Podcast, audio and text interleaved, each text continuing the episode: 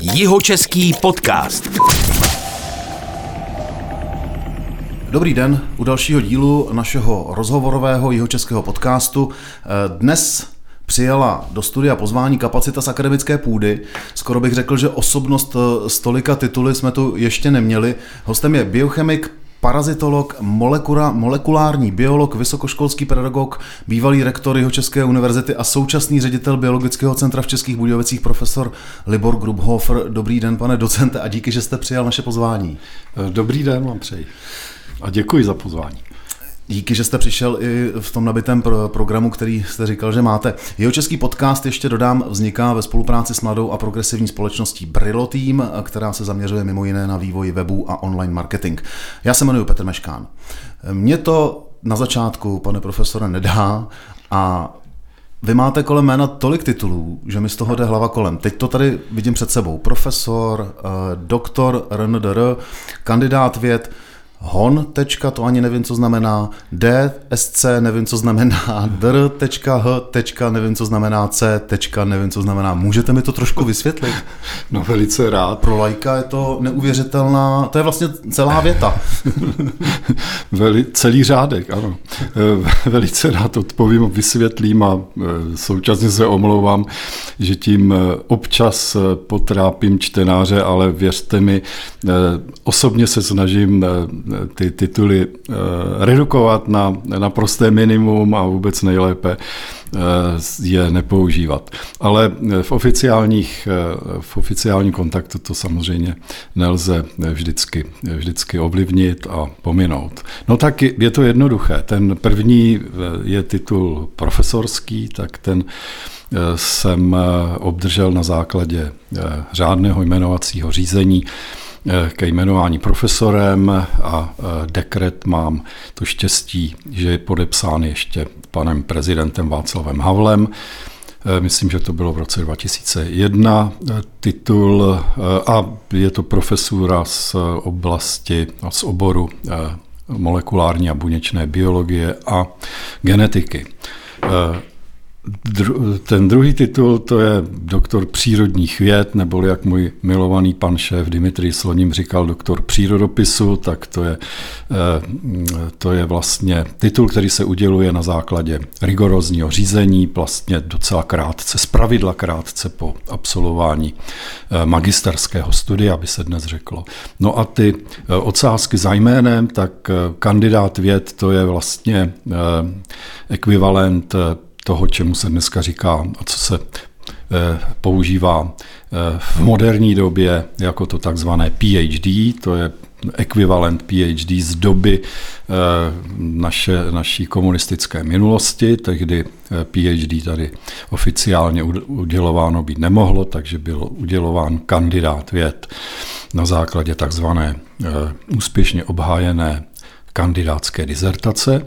No a ty e, další dva tituly, ty další dva doktoráty, to jsou čestné doktoráty, e, honorary, e, ten hon DSC, jak jste zmínil, tak to je honorary Doctor of Science, neboli čestný doktor věd Arizonské univerzity ve Spojených státech a ten eh, druhý eh, dr. HC, to je doktor honoris causa, čestný doktorát z Univerzity Johannese Keplera v Linci.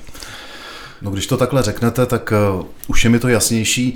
Já jsem to říkal na začátku, že vlastně těch oborů máte několik, jsou to roky, když to takhle řeknete, tak jsou to roky studia, práce a tak dále. Který, který z těch oborů Dá se to tak, jestli se to tak dá říct, vás baví nejvíc? Tak já bych to chtěl uvést na pravou míru. On je to vlastně obor nebo zájmová oblast jedna. Já jsem vystudoval, dneska by se řeklo tedy eh, magisterské studium, eh, absolvoval z oboru biochemie. To je moje, řekněme, kmenová základní disciplína. Já se tak cítím. Většinou, když člověk něco v mládí vystuduje, tak pak má pak má v podstatě celý život pocit, že se nějak s tím oborem identifikuje, že v něm může vykládat, aniž by se za to musel stydět, nebo se, mohl, se cítil příliš nejistě a tak dále. Čili to je pro mě biochemie. Ale biochemie se odvíjí všechno to ostatní, poněvadž málo platné podstatě života je ta chemie životních procesů, takže to ta biochemie vlastně se snaží pochopit a učit.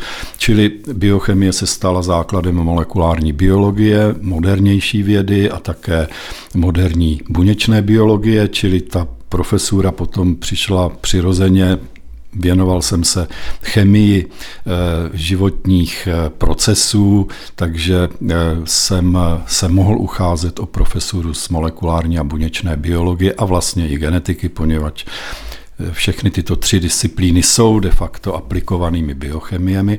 No a skutečnost, že, jsem, že mě život zavál do Českých Budějovic a přímo na parazitologický ústav tehdejší Československé akademie věd, tak eh, jsem se tím pádem ocitl v prostředí parazitologů a nemohl jsem odolat, abych eh, ne, nečerpal také potřebné znalosti z oblasti parazitologie, zejména potom eh, po té, co jsem se začal zaměřovat na klíšťata a jin, jiná eh, krev sající parazity, včetně komárů, takže to je celá speciální skupina parazitů, takže té jsem se začal věnovat. Proto ale nepovažuji se za parazitologa, poněvadž bych se styděl vůči mým skutečně eh, echt eh, parazitologům, k, u kterých o tomto pracovním zařazení není pochyb. Takže můj doktorát, to takzvané PhD, které se za komunistů označovalo CSC, tak ten je ovšem z virologie. Takže vy, když jste mě na začátku představoval, tak já bych, eh, eh, pokud bych se měl představit sám, tak bych se představil jako biochemik, virolog, protože eh, oba tyto, obě tyto disciplíny jsem vystudoval. Biochemii na magisterském stupni a virologii na doktorském stupni vzdělání. Takže a také se, řekněme, podobně jako s tou biochemií, se i s tou virologií identifikuji a nemůžu si být jist, že bych se v ní vždycky cítil eh, jistě, tak eh, neskromnej nejsem, ale eh, je mi to disciplína mému srdci velmi blízká a mohu říct, že jsem vlastně propadl té problematice virů a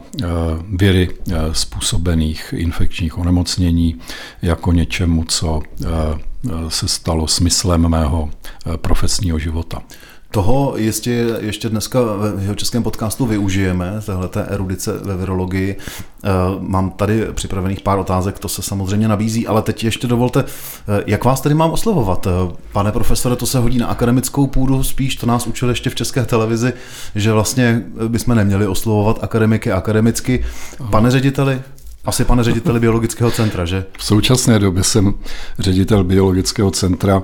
Musím říct, že já mám vůbec nejradši, když eh, mě lidi oslovují Libore a eh, to si myslím, že se mě snaží nějakým způsobem eh, snaží podsouvat mému okolí, takže já jsem tak obvykle asi jmenovaný, ale samozřejmě pro, pro sdělovací prostředky mě můžete oslovovat pane Grubhofer třeba. Dobře, dobře. Eh, já se poučím samozřejmě říkat vám, Libore, to mě respekt a vlastně eh, se tolik neznáme nedovolí.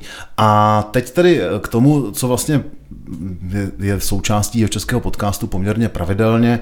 Eh, vždycky se takhle na začátku s hosty bavíme o tom, jaké používají technologie, jaký mají vztah k IT. Jak je to u vás? U člověka s takhle vysokou erudicí na akademické půdě, jakou roli ve vašem životě hrajou eh, IT technologie, moderní technologie a tak dále? Eh, bez čeho byste si třeba nedokázal představit život? Tak určitě eh, bez přehánění IT technologie hrají v životě každého z nás a ve vědě to platí eh, nepochybně dvojnásob eh, obrovskou roli, ale musím říct, že jsem právě z takové té hraniční generace, kdy eh, na univerzitě, na, na fakultě jsme měli jsme měli tehdy základy programování a programovalo se ještě na děrné štítky, takže pamatuju v podstatě dřevní doby, eh, dřevní doby té výpočetní techniky, jak jsme tomu tenkrát říkávali, ale už po příchodu sem do Českých Budějovic v polovině 80. let už Občas některý kolega měl nějaký ten první eh, personální počítač, takže se dalo nějakým způsobem eh, už eh, i prakticky s tou technikou, která právě přicházela, bylo nadevší pochybnost, že nás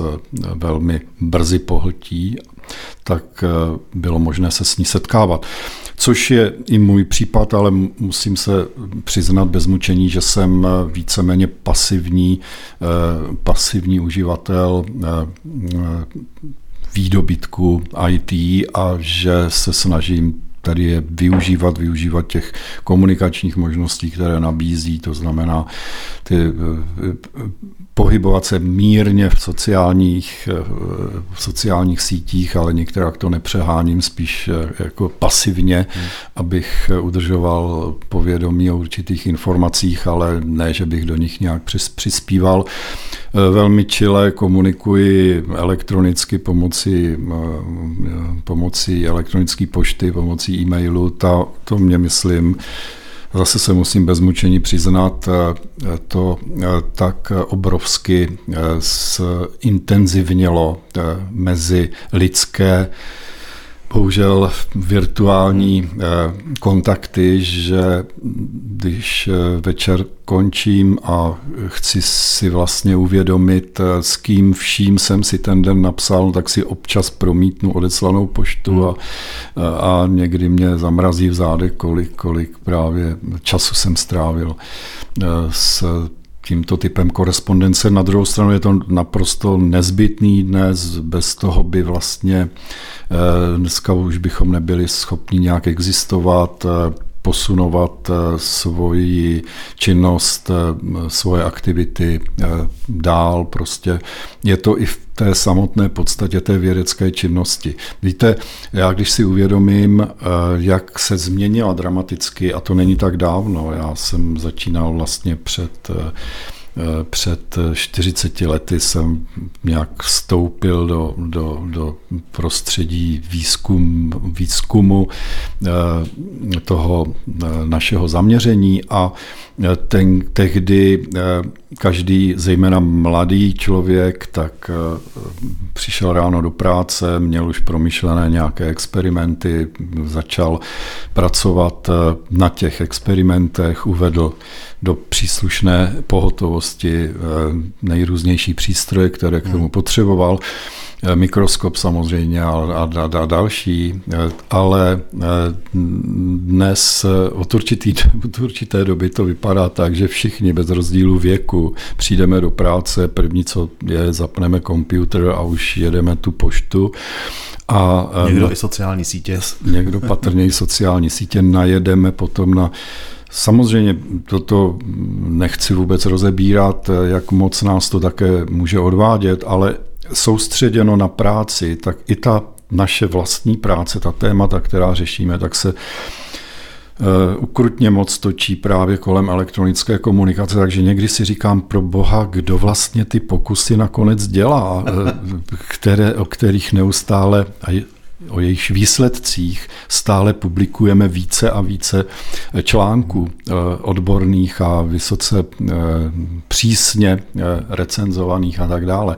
Takže to říkám s určitou nadsázkou. Pochopitelně jsou to zejména mladí vědečtí pracovníci v těch tý, v těch experimentálních vědách našich, kteří hold si na to ještě ten čas musí udělat, protože jinak by svoji kariéru zase těžko mohli posunovat oni. No. Já tak bych se to... u toho ještě rád zdržel.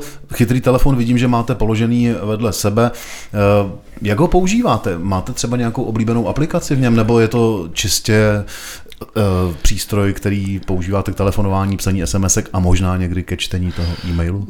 No, Přesně, od určité doby ho používám také jako hodinky a to v, v době vrcholící eh, covidové vlny, tak jsem tak, mě, tak se mě vybila baterka v hodinkách a od té doby jsem pak už si ji neopatřil. To takže, taky teda. No, ještě jsem to nevyměnil. No, takže teď jsem už překvapivě víc jak půl roku závislý na tom, že se koukám každou chvíli na časomíru v mém mobilu přesně podobně jako s těmi počítači nepoužívám ho k žádnému eh, příliš eh, sofistikovanému užití, ne, nezbírám, nenabírám nějaké nové aplikace, eh, ale a Víte, nepoužívám ho na to, jak je chytrý, tak ho teda bohužel nepoužívám ani jako diář, protože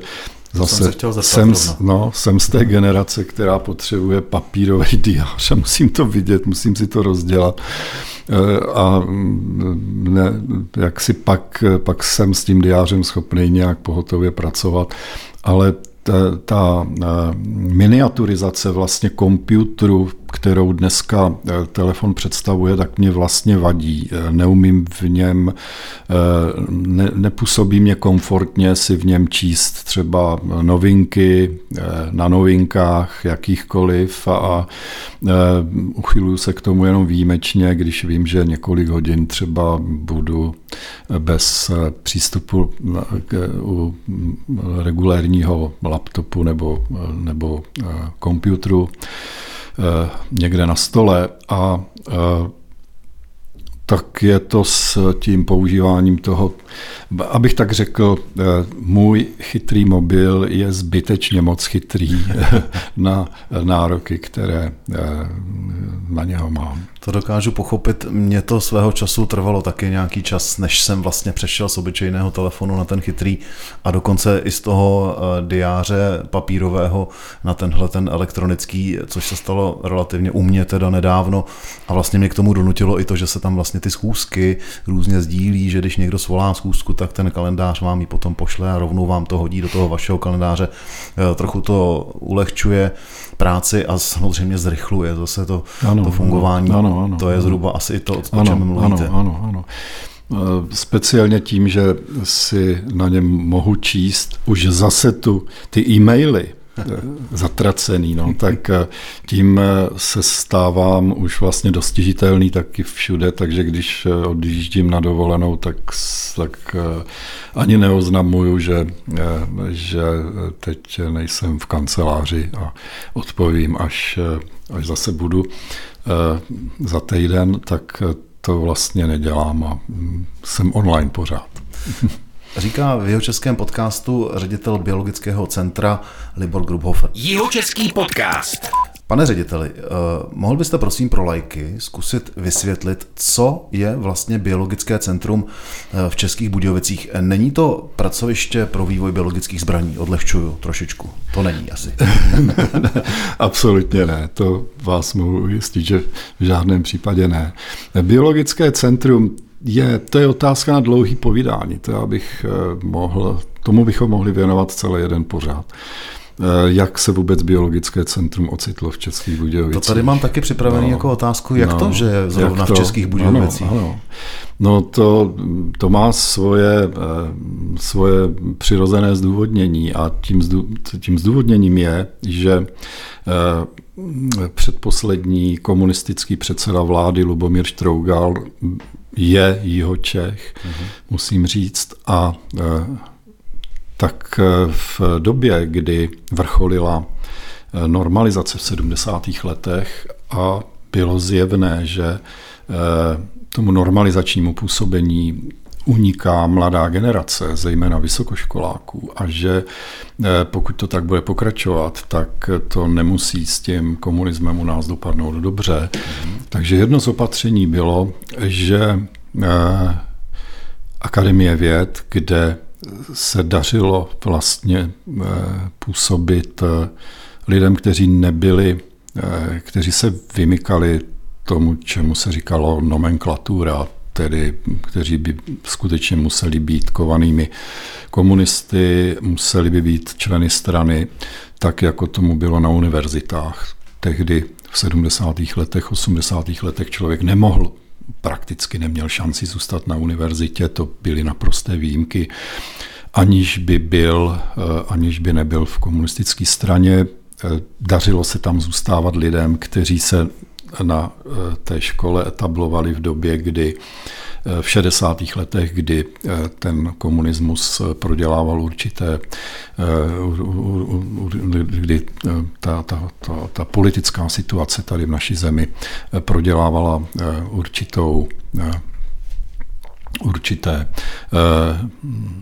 oslabení té, té, té komunisticky protlačované diktatury a nakonec to vyústilo rokem 68, ale tak ty tam byly, zaplať pámu za ně, že tam byly, ale jinak to byla zejména Akademie věd z těch eh, vrcholných vědeckých institucí a vzdělávacích, nutno podotknout, která dávala příležitost, aby se tam uplatnili na těch spodnějších vrstvách také eh, lidi, kteří eh, byli velmi schopní, velmi chytří a zároveň měli eh, třeba velmi často zásadní eh, výhrady vůči komunistické, komunistickému systému. Takže eh, Akademie věd tehdy byla určitým ohrožením v takové koncentraci, jakým, v jaké se nacházela v Praze.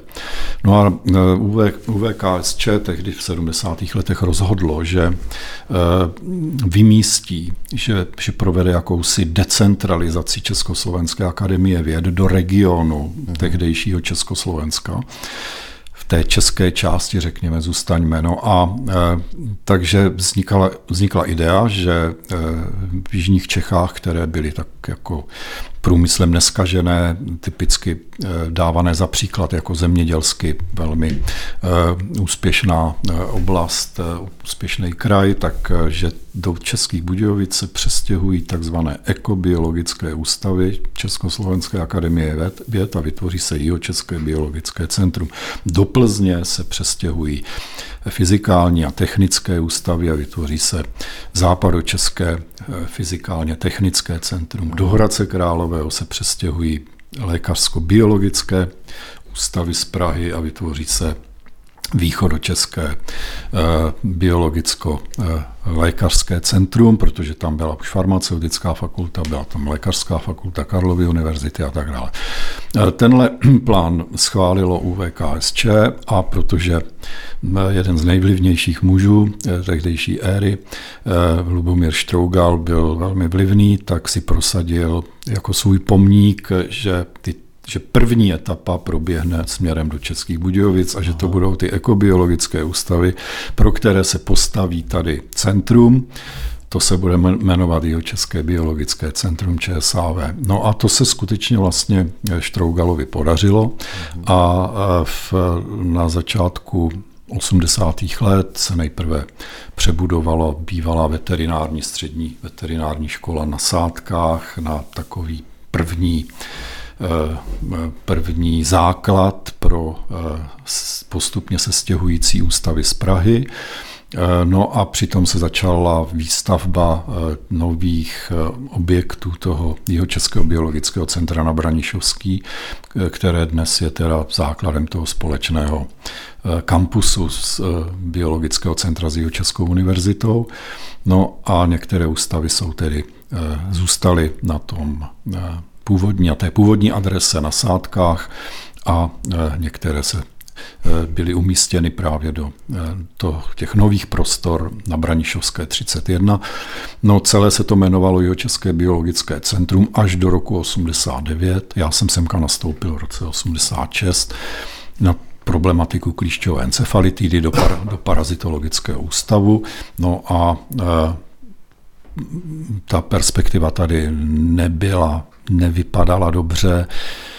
Zaplať pámu, že přišel eh, ten, eh, ta, ten, ten, ten zázrak v podobě sametové Promiňte, revoluce. co to znamená, že ta perspektiva nevypadala dobře? Že se tady nic moc nedělalo? Nic moc se tady nedělalo, samozřejmě spoustu klíčových, spoustu klíčových lidí eh, z těch pražských ústavů odmítlo přestěhovat a našlo si něco v Praze když jim to jenom trochu šlo. Takže to tady byla taková zašívárna. Bylo to tady, já bych to ne, nenazval zašívárna. To záměrně. No, trošku. no, no, nenazval bych to zašívárna, protože kdo jako do té vědy s, šel s takovým tím nadšením a bylo nás tu spoustu mladých hmm. lidí, kteří s tím nadšením eh, nepochybně problém neměli a rozhodně se tu nechtěli zašívat. Problém byl v tom systému, že my jsme měli když jsem řekl, že to nevypadalo dobře, hmm. tak eh, my jsme měli sice nové budovy, měli jsme nový nábytek v těch budovách, dokonce při tom vzniku jsme eh, mohli mít také některé zajímavé přístroje, které eh, se podařilo pořídit v rámci těch přístrojových investic do těch, dneska by se řeklo, do té nové infrastruktury, do těch nových budov. Ale to bylo všechno, protože eh, ten eh, zatuhlý eh, komunistický systém neumožňoval pohotovost, řekněme, každodenní pohotovost nákupů věcí, jako, jako jsou chemikálie, které musíte získávat v podstatě a, my, a, a to tak bylo a je do dneška, že e, spoustu věcí se vozí prostě ze západních zemí a, a, a zejména právě v té části nebo v, v těch e, v té oblasti e, chemikálí, biochemikálí a tak dále, které potřebujete pro tu experimentální činnost, tak to, to jsou to záležitost světových výrobců a, a, a tak dále. Tenkrát my jsme mohli jednou za rok oběd, každý z nás, výzkumných pracovníků, mohl jednou za rok sepsat svůj požadavek, co by potřeboval za chemikálie. A za rok až za dva roky jsme je dostali. Takže eh, tohle je, myslím, nejhezčí příklad eh, bez eh, jakési beznadějné neschopnosti komunistického systému nebo jakéhokoliv direktivně státem direktivně řízeného systému a plánovaného systému, protože ten, to komunistické Československo jelo vlastně na devizové prostředky, ty, těch bylo omezené množství, takže eh, se všechny ty požadavky musely postupně pokud byly schváleny, vyřizovat vlastně v rámci nějakých, eh, nějakého omezeného rozpočtu těch devizových prostředků. A přes to, s tím se nedalo nic dělat. To bylo samotné podstatě ty společnosti, mm. takže to byl skutečně, jako, já bych to nazval agonický vztah. Takže eh, to byl, to byl svým způsobem hlavní problém, proč spoustu taky mladých lidí, kteří Eh, chtěli něco v té vědě dosáhnout, proč odcházeli ven, protože tady to bylo beznadějné. My jsme si samozřejmě časem ke všemu, jak to už v Čechách umíme, všechno jsme si nakonec na koleně dokázali vyrobit a chemikálie opatřit a kšeftovat s nimi, s nimi vyměňovat si jako kluci známky. Jo. Takže to bylo já, i na akademické půdě no jistě, no, centra jasně. takhle. Já jsem měl půl kila akrylamidu, tak jsem 100 gramů prostě vyměnil za nějakou jinou chemikálii u svého kamaráda, který zrovna potřeboval akrylamy. Takže takhle fungovala věda za komunismu, což bylo skutečně absurdní a byla to doslova potěmkinovská vesnice. Čili znovu se vracím k tomu, my jsme tady měli jako docela hezky vypadající budovy, ale eh, vlastně beznadějnou situaci, pokud šlo o nějakou dynamičnost té práce a eh, o, o skutečně konkurenceschopnou práci s těmi zahraničními kolegy. To je neuvěřitelná jo. historie. Eh, teď je to samozřejmě úplně jinak. Dokonce bych řekl, eh, že vlastně Biologické centrum v Českých Budějovicích má eh, tu možnost využívat tak jak vy jste to trochu teď zmínil, eh, té blízkosti Jižních Čech a Rakouska a Německa přes hraniční spolupráci. Zkuste, pane řediteli, ještě jenom v rychlosti říct, co tedy dnes vlastně se v biologickém centru odhrává? Co se tam vlastně děje? Ano, já jsem vám utekl od té otázky právě k jeho historii. A přeci jenom bych ještě jenom krátce tu historii dokončil. Pardon, Tím listopadem 89 vlastně končí také éra toho jeho českého biologického centra a tak, jak to tenkrát bylo, ta touha po eh, jakési eh, autonomii a, a, osam, a identitě těch jedno, se projevila i v, i v, v jaksi v, projevila i v postupu těch jednotlivých ústavů, kterých bylo cirka pět tady a Čili my jsme v tu chvíli už chtěli opustit tu myšlenku na začátku 90. let toho Českého biologického centra a rozpadli jsme se zase na ty jednotlivé ústavy, takže tady bylo pak řekněme pět Eh, ústavu Československá akademie věd, posléze od roku 93 České nebo Akademie věd České republiky. Ale v roce, přeci jenom jak šel čas, eh, už v, tom, eh, v těch demokratických svobodných poměrech a jak jsme se stali součástí Evropské unie a stali jsme se také samozřejmě stali jsme se účastníky, řekněme, evropské a světové soutěže o peníze do vědy a tak dále, což je to vlastně absolutní základ. To jsme nikdy dřív nepotřebovali, protože jsme měli tu jistotu té komunistické vědy, která byla mizerná, ale ta jistota byla mizerná, ale, ale přesto jakási teda ubohá byla, tak, eh, tak teď eh, nastal absolutní zlom, takže jsme postupně se i v organizaci té české vědy došlo k závěru, že by eh, Akademie věd měla a podobné instituce, nejenom Akademie věd, ale výzkumné instituce, jako takové, že by pro ně byla vhodná bylo vhodné organizační uspořádání na způsob toho nového uspořádání vysokých škol. Vysoké školy se staly veřejnými vysokými školami, z těch původně státních jsou veřejné, čili rozumějme, eh, byla to forma eh, určitého odstátnění těch veřejných vysokých škol a tím momentem platnosti tohoto zákona si mohou také se svým majetkem nějak nakládat, že jo, pod určitými kontrolní mechanismy. A to samé, že by bylo dobré eh, přivést do těch eh, vědecko-výzkumných institucí, jako je Akademie věd a další výzkumné ústavy nejrůznější. No a to se skutečně stalo přijetím zákona o veřejných eh, výzkumných institucích, což bylo v roce 2006 a od roku 2007 jsme začali fungovat jako veřejná výzkumná instituce a tady v Budějovicích jsme si tehdy řekli, že vlastně, když tu možnost máme a máme a jsme vlastně částečně odstátnění a budeme moct vyvíjet určité i eh, ne velké, ale přesto nějaké eh, podnikatelské aktivity, řekněme, nebo spíš hospodářskou činnost a tak dále, tak eh, by se vyplatilo združit v celou řadu aktivit rozdrobených do jednotlivých ústavů a shodli jsme se na tom, podepsal jakési memorandum o ustavení Biologického centra Akademie věd České republiky. To se stalo tím právním subjektem a ty jednotlivý původní právní subjekty, ty jednotlivé ústavy se staly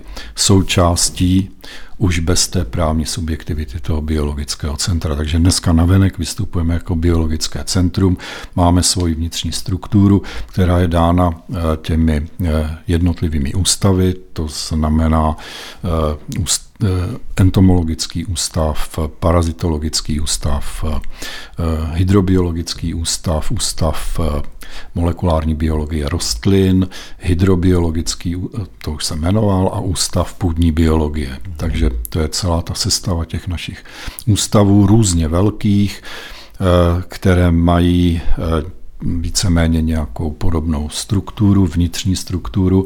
No a už z těch názvů vyplývá, čemu se v zásadě věnujeme. Eh, jak jsem tady avizoval, byli jsme vytipováni při té delimitaci nebo vymístění ústavu Československá akademie do, do Českých Budějovic jako ty ekobiologické ústavy, které by měly mít nějak blízko k ochraně přírodního prostředí, měly by mít blízko k zemědělství, ale nakonec mají blízko i ke zdravotnictví, to zejména díky parazitologickému ústavu. No a e, mohl bych tady tedy říct, že ano, věnujeme se parazitům, věnujeme se biologii hmyzu, věnujeme se e, řekněme, eh, základům eh, i tak, no, to dneska už je trochu jinak, ale věnujeme se, řekněme, genetice rostlin, věnujeme se půdním živočichům, věnujeme se vodě v té její Eh, živé složce prakticky kompletně, ale zejména také zase s důrazem na tu živočišnou složku, která je na vodní prostředí vázána. Tomu, myslím, každý rozumí, eh, čemu se tedy věnujeme. Já bych ještě učeně řekl, že eh, když se pojmenovaní jsme jednoduše biologické centrum, ale ve skutečnosti se snažíme být centrem evoluční biologie a ekologie. Mm-hmm. To je, že nás zajímá studium nejrůznějších eh, vývojových, eh, nejrůznějších aspektů historického vývoje organismů v naší biosféře a jejich vztahů evolučních nebo koevolučních když se řekne historický vývoj, tak to znamená evoluce. Eh, jsou tady u nás skupiny, které dělají i ten eh, vývoj jednotlivce, což je učeně řečeno ontogeneze, tak eh, i tomu se tady některé skupiny, zejména na entomologickém ústavu, věnují. No a pak je to skutečně, pak jsou to skutečně otázky vývo, ochrany přírody nebo vědeckého výzkumu, který, který přímo prospívá ochraně přírody a, a ekologii. No a už jsem zmínil v případě, zejména v případě parazitologického ústavu, ale nejenom parazitologického ústavu, stále častěji víc a víc do eh, toho portfolia našich aktivit pronikají otázky eh, medicínské, ať už eh, lidské medicíny nebo veterinární medicíny. Na parazitologickém ústavu je to přirozené samozřejmě. K tomu bych se ještě potom možná rád dostal, ale Dvě otázky možná v jedné. Eh, pro Budějovice, ale pro Jižní Čechy je biologické centrum v dnešní době přínosné i v tom směru, že v něm pracuje docela dost zahraničních vědců, pokud se nepletu, a jak to tak jako vzdáleně pozoruju. Eh, jak to vlastně funguje v praxi? Jak se to stane, že vědec, řekněme z Británie, přijme angažmá zrovna v Českých Budějovicích a jaké to pro něj má výhody? Tak eh, my skutečně v současné době máme eh, téměř 30 eh, zaměstnanců ze zahraničí. Mm-hmm.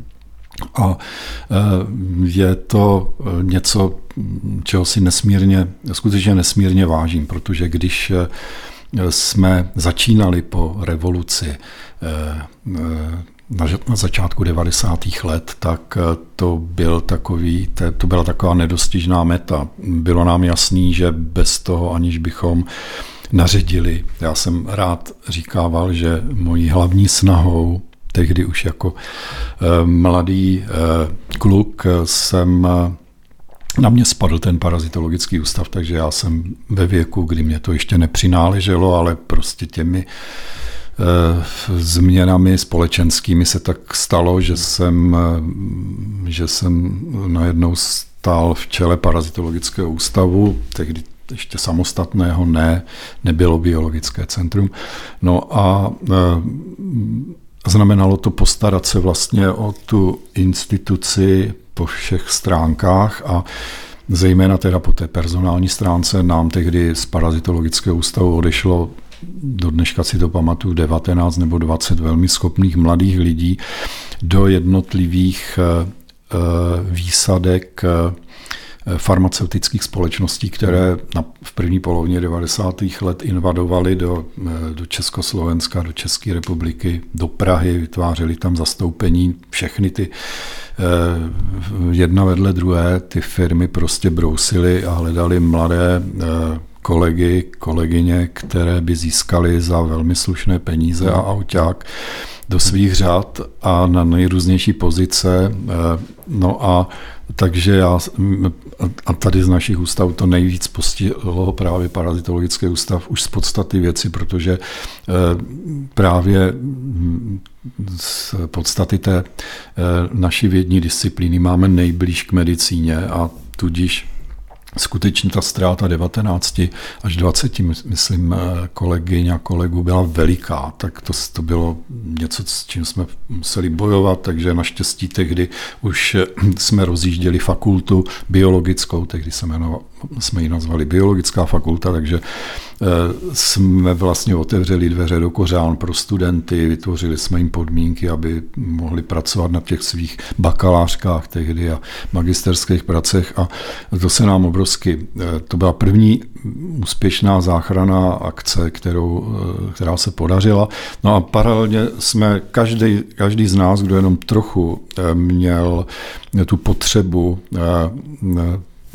hledat kontakty v zahraničí a e, rozšiřovat ty kontakty, tak většina z nás taky hned na začátku 90. let někam vyjela. Já jsem taky byl rok ve Spojených státech právě na té Arizonské univerzitě. Jejíž čestný doktorát jsem potom za, mm-hmm. za 25 let poté vlastně s velkou, jako velkou poctu e, obdržel a tak eh, to, eh, to nás právě vedlo k tomu, a byla nás eh, celá řada tady v Budějovicích, kdo velmi intenzivně navazoval zahraniční kontakty, ať už tady v blízkém okolí, jak jste zmínil, Rakousko, Německo, Bavorsko, ale nehledě na vzdálenost, prostě hodně z nás odcházelo do Spojených států a vracelo se a z kontakty a to trvá do dneška.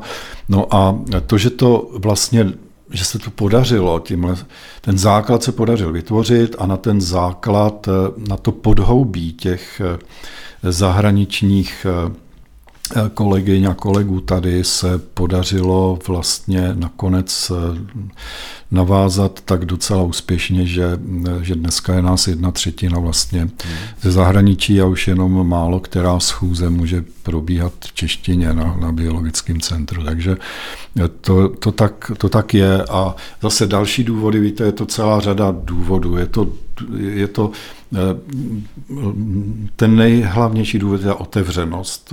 To, že spadla železná opona, že jsme se otevřeli světu, že jsme dokázali přesvědčit eh, ten svět, že se tady dělá dobrá, kvalitní věda a že když sem někdo přijde i z vyspělé ciziny, například ze Spojených států nebo, jak jste zmínil, z Velké Británie, takže tady nebude strádat, hmm. že nebude čekat už rok na chemikálii, jako by čekal před rokem 89, ale že to dostane na stůl do druhého dne, maximálně za dva dny, bude mít eh, chtěnou eh, chemikálii nebo eh, drobnou jinou záležitost na stole velmi pohotově.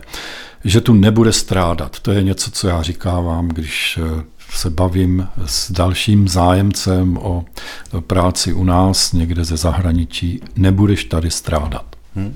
To je jedna z věcí, kterou pozoruju já tady ve společnosti, eh, třeba v Budějovicích, že se mi může stát a stane se mi to a stalo se mi to, že jdu do hospody na pivo a narazím tam na britského, indického nebo jiného věce a stalo se mi to už několikrát, hmm. což je vždycky překvapující hmm. setkání, že ano, člověk ano. je na pivě, baví se s někým, kdo mluví anglicky, tak se zajímáte ano, a najednou ano. zjistíte, že to je vědec.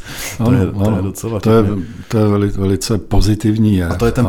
přínos do společnosti tady v Budějovicích. Tak. Že to je ten přínos centrum. pro hmm. Budějovice, já jsem za to moc rád a také to vlastně přispělo k tomu, že Budějovice jsou dneska vnímané jako studentské město, to je hmm. nepochybně zásluha univerzity, ale částečně i biologického hmm. centra a také jako eh, město, eh, město eh, kosmopolitní, které prostě tolerantním způsobem a za to, za to díky biologickému centru částečně také.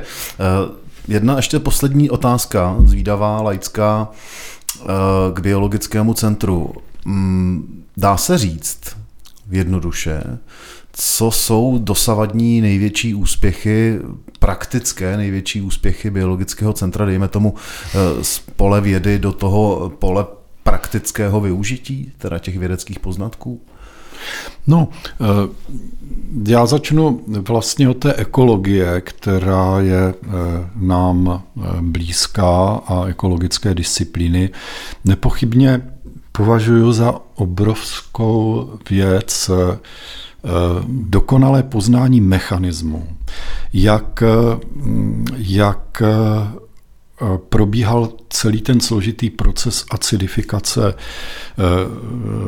šumavských jezer a jejich postupná regenerace. Kolegové z Hydrobiologického ústavu, zejména vedené vedení Jiřím Kopáčkem, tak vypracovali, to je, to je celý soubor úžasných prací, kdy já vzděláním chemik se velice skláním před kolegy, kteří dokážou dělat špičkovou chemii na bázi experimentů v přírodě. Mm-hmm. Jo, oni si to jak odchodějí na, na, po těch jezerech, tak a musí mít hodně dobře rozmyšleno, kdy, jak, jakým způsobem ty ekologické experimenty vlastně eh, v takovýchto zajímavých biotopech udělat, aby z toho byly ty, ty, eh, aby se z toho dalo říct něco o tom, jakým způsobem eh, tam hra, jakým způsobem, který, eh, který jont kovu tam hraje jakou roli a jak se postupně vyměňují. A na to oni skutečně přišli, takže ozdravný proces Šumavy velmi dobrým, naprosto bezvadným způsobem popsali. A je bohužel občas smutné, teď už se s tím tak nesetkáváme, ale když potom někteří fundamentální představitelé, nebudu jmenovat jakých politických stran, tak se odborně vyjadřují k Šumavě a neví, absolutně neví, o čem mluví a stačilo by jenom jim naslouchat a oni to jsou schopni skutečně přibližovat lidem velice polopaticky. A říkám, moje eh, srdce chemika jásá, když vidím, jak eh, úžasnou, jaký, jak jak úžasným způsobem vysvětlili celou tuhle tu záhadu v podstatě jontovou výměnou, jontovou chromatografií, která běží v té přírodě. Jo. Hmm. K, a běží ve směru té, to, to, těch ozdravných procesů po té, co se skutečně zásadním způsobem zredukovalo, zredukovali, eh, z, mm, zredukovali eh, emise eh, oxidu siřičitého a kdy se začala ta příroda regenerovat. Jo. Do toho bohužel celá situace, celou situaci zkomplikoval kůrovec, protože již předtím poškozené stromy oslabené tedy eh, změnili tu Šumavu k nepoznání, ale zase eh, prostě regenerační procesy běží a všechno je úžasně nastartované a nemusíme mít nejmenší strach o Šumavu. Prostě stejně tak jako o jiné části eh, naší momentálně, eh, naší země, která momentálně prodělává nějakou krizi, pokud jde třeba právě o kůrovce, což jsem si znovu uvědomil teďka na Vysočině. To já si uvědomuju poměrně často taky, protože na té Vysočině eh, máme nějaký les po babičce a řešíme to tam, je to no, tam extrémně je to smutný, vidět. Je to, to extrémně smutný. vidět, přesně tak, zvláště ty Úplně to změní ráz, no, no, no, ráz no, krajiny no, a tak dále. No, no. Ale vy jste se mě ptal na, na více příkladů, ano, tak ano. tady ten úspěch je zcela jasný a já ho vidím, velice ho, velice ho dávám do, do popředí. Pak eh, jsou eh, rovněž eh, důležité práce zase kolegů půdních biologů, kteří celým svým konáním opět přispívají k novým poznatkům o tom, jak ta půda je úžasná tkáň, životadárná, která, že to není prostě eh, ani bláto eh, v mokrém stavu, že to není ani ani nějaká, nějaký, nějaký suťovisko, ale že to je skutečně, že to je skutečně živá tkáň, kterou eh, my a život na této planetě tak nutně a nezbytně potřebuje. že i jejich některé věci jsou naprosto zásadní. Abych jmenoval další, tak máme na, na Ústavu molekulární biologie rostlin eh, skupinu, která patří skutečně ke světové špičce v oblasti eh, analýzy eh, chromozomů, rostlinných chromozomů. Rostliny, některé rostliny mají zvlášť obrovské chromozomy a vyznat se v těch chromozomech eh, není vůbec jednoduché a oni vymýšlí velmi chytré metody, jak situaci v, tom, v té analýze těch chromozomů zjednodušovat a jsou to skutečně také světově respektovaní kolegové. Eh, nemohu minout eh, ústav entomologický, který má také takovou tradici, není to jenom ústav, který by eh, se zabýval tou faunistikou, eh, zaměstnával eh, vášnivé motýlkáře nebo sběratele jiných skupin hmyzu, to vůbec ne. Oni dělají v těchto směrech, zejména ve prospěch ochrany přírody, to v každém případě, to jsou velmi aktivní skupiny, zase i důležité, jejich poznatky jsou důležité k takovému, bych řekl, každodennímu boji i s, eh, řekněme, s, s, tou, s, s naším státem v oblasti hospodaření v lesích a mm. jsou to eh, eh, v tomto případě rád řeknu chlapci, kteří opravdu eh, se pouštějí do statečných soubojů eh, s byrokracií a současně jsou schopni ty své poznatky publikovat ve světových eh, časopisech a současně na konkrétních příkladech vést nejrůznější důležité souboje s naprosto často hrůznou byrokracií, která, která není schopna pochopit, že je potřeba prostě někde ustoupit a, a, a udržet lokality, protože jsou skutečně mimořádně cené a tak dále. Přitom to nejsou žádní jako, ne, ne, nejsou to rozhodně ekologisti v tom pejorativním slova smyslu, jsou to eh, lidé, kteří eh, mají zdravý a rozum, ale přitom tedy vědeckým směrem eh, dobře vedené, vedený rozum. Tak to je ta, řekněme, faunisticky pojednávaná a ekologicky pojednávaná entomologie, ale tam už má dlouholetou tradici také, řekněme, entomologie na úrovni jednotlivých molekul, zase poznávání eh, třeba eh, eh, vnitřní časomíry. Je tam laboratoř velmi zdatná na kolegové velmi zdatní právě na problematiku studia, studia takzvaných cirkadiánních hodin, tedy regulace, časová regulace, vnitřní časová regulace organismu eh, těmi vnitřními hodinami v každé buňce toho organismu. To je, se ukazuje dneska jako velmi důležité. Také mají celé řadě mají několik velmi eh, světově respektovaných výsledků. Je tam skupina, která, se, která právě studuje ten vývoj jednotlivce, hormonální regulaci. Je to děláno na modelových hmyzích druzích, ale eh, se zase s dopadem do, řekněme, obecných znalostí, pokud jde o hormonální funkci a eh, v procesu toho, čemu biologie říká diferenciace, tkáňová diferenciace. To je, to je ten zázrak, kdy vlastně my máme, v každá naše buňka má úplně stejnou genetickou informaci, ale přesto je, jsou ty buňky diferencovány do tkání, které vypadají úplně jinak.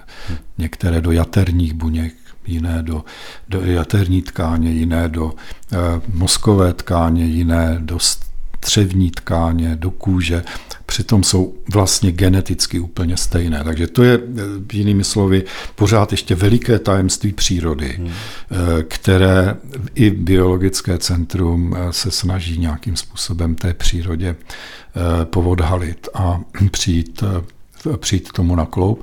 No a skončím ten neúplný výčet parazitologickým ústavem, tedy ústavem, ze kterého já pocházím a ke, ke kterému se hlásím, tak tam jsou zase tradiční objevy v některé, v celé řadě skupin těch eh, parazitů, paraziticky, eh, parazitických organismů a mechanismů, jakými k tomu, eh, k té adaptaci na parazitismus dochází. Slavná je tady Budějovická škola rybí parazitologie. Mm-hmm. To myslím, že je tady vůbec pokud jde o eh, parazity ryb, eh, ať už eh, jednobuněčné parazity nebo mnohobuněčné parazity, nejrůznější tasemnice nebo listice, tak je tady, myslím, bez přehánění světově respektované místo a, no a pak jsou tady, pak je tu laboratoř, celá ta skupina Eh, současného eh, ředitele parazitologického ústavu Julia Lukeše, která se zabývá jako hlavním organismem, původcem spavé nemoci, trypanozomou, africkou trypanozomou, ale dělají na tom právě eh, celou řadu velmi moderních věcí, mají do, molek- do řekněme, genetické podstaty těchto parazitických jednobuněčných,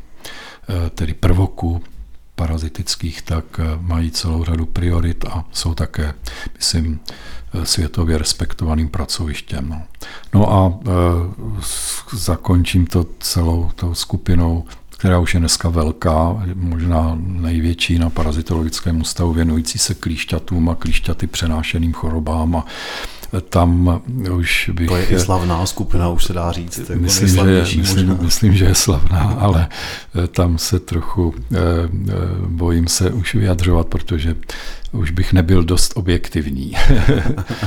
Mám radost z toho, jak se jí daří a jak jsme, se nám podařilo vlastně, jak se nám podařilo za ta léta získat velmi schopné i z řad našich studentů, schopné kolegy a kolegyně, eh, se kterými je opravdu radost eh, pracovat a, a eh, obdivuju je, jakým, jak si počínají. A vracím se tím právě i k těm IT možnostem, které, těm IT technologiím, které dneska oni jsou schopni maximálně využívat, takže to mám aspoň příležitost říci, že to IT dnes biologovi musí sloužit skutečně jako nástroj eh, eh, bioinformatiky. A to pod tím pojmem bioinformatika se eh, skýta, se skrývá, se skrývají nejrůznější složité výpočty podobností,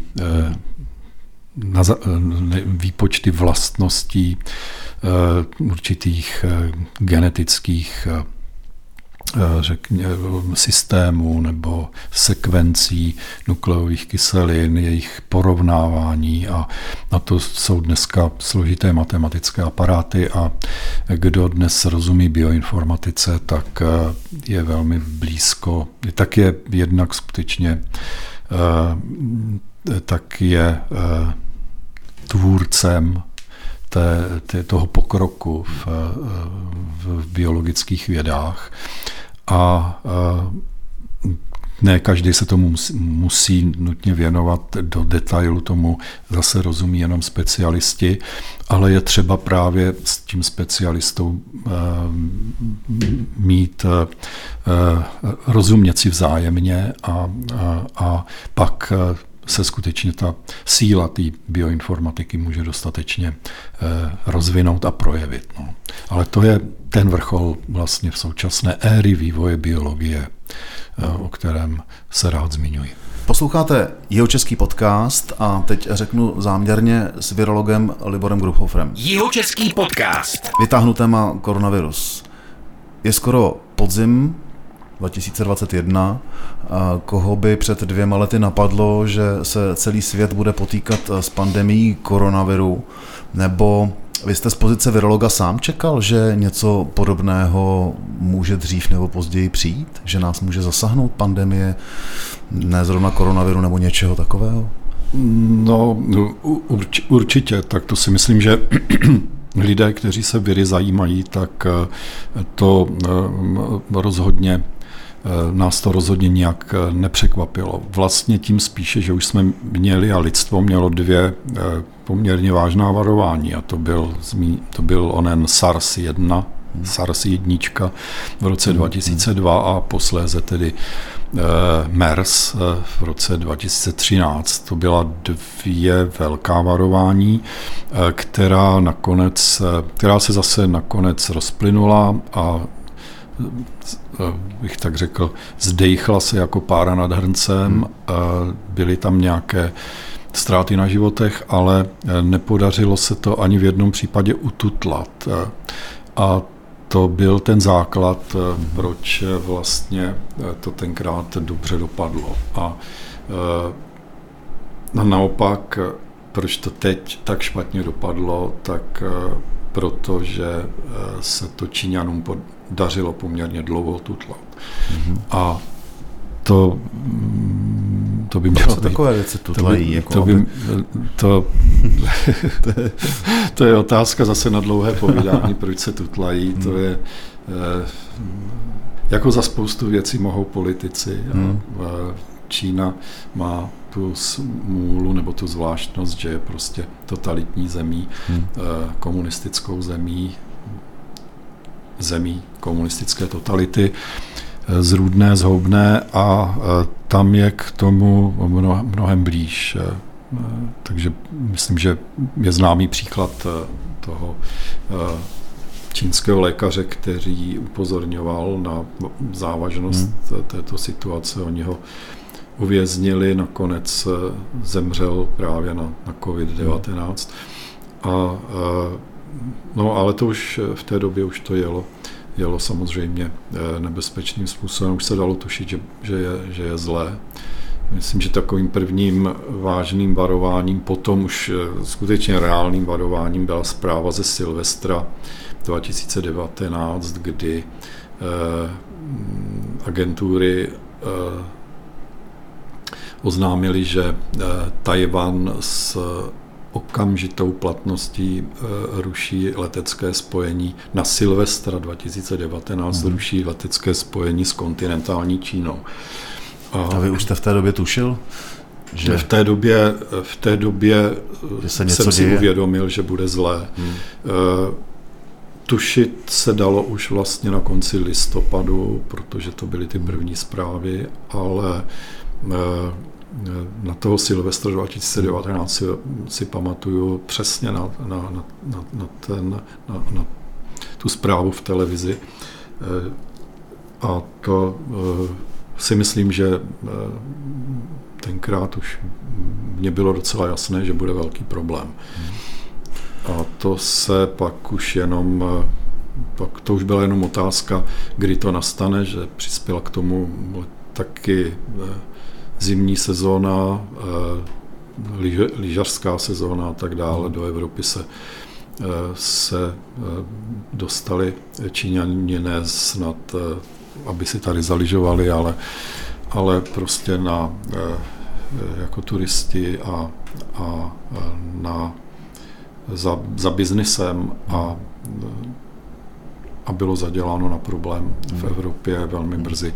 To potkalo Itálii v rozsahu že jsme se nestačili divit. A, Já jsem v té době zrovna v únoru 2020 eh, byl lyžovat eh, v severní Itálii. Ano. Ujeli jsme tomu sotva teda a pak už se to rozjelo. No ono, k, jak to vzniklo, to si ještě docela všichni trochu pamatujeme, ale co mě zajímá, pane řediteli, co vy říkáte na eh, všechny ty teorie často konspirační, které kolem toho celou dobu vznikají? Třeba, že ten celý koronavirus a celá ta pandemie a ten, uh, celá ta pandemie a vlastně šíření koronaviru byl záměr někoho, to do světa poslat. Jak, jak vy tohle to vnímáte? Sledujete to? Vidíte, co se děje? Samozřejmě vy to vidíte z vědeckého pohledu.